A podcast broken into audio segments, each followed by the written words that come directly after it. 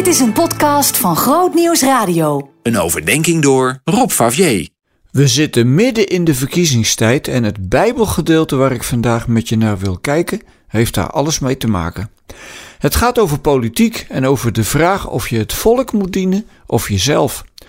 Koning Salomo is gestorven en zijn zoon Regabiam volgt hem op. Tenminste, het volk gaat hem tot koning uitroepen.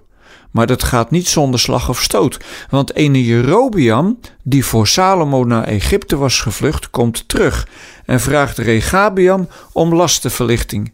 Want het was wel leuk dat Salomo zo rijk was geworden, maar het ging toch wel enigszins over de rug van het volk.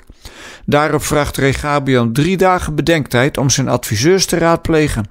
De oudsten, die nog onder Salomo gediend hadden, raden hem aan naar het volk te luisteren.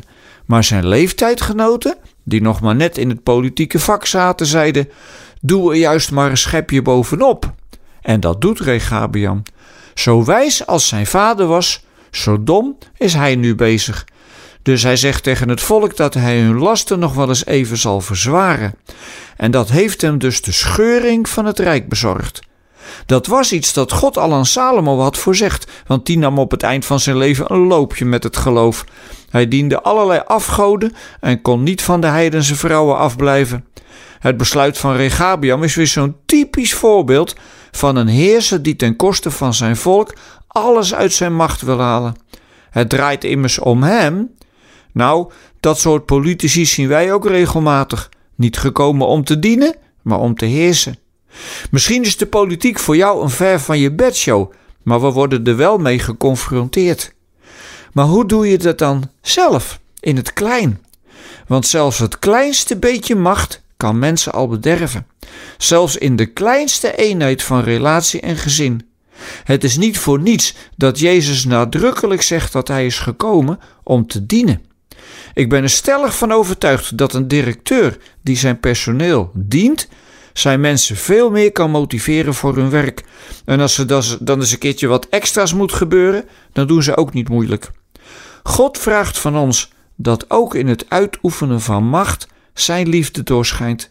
Dat betekent dat de macht die jij gekregen hebt op jouw plekje moet worden uitgeoefend voor het heil van je naaste.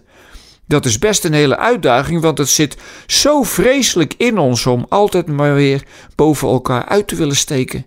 Of dat nu voortkomt uit onzekerheid, jaloezie of hebzucht, ik weet het niet. Maar hoeveel mensen er altijd in een competitiehouding staan, dat wil je niet weten. Regabiam heeft de prijs moeten betalen voor zijn hoogmoed. Het kostte hem het grootste deel van zijn koninkrijk.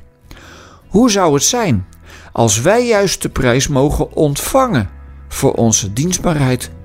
Welke prijs dan? Nou, liefde, goede relaties en vrede.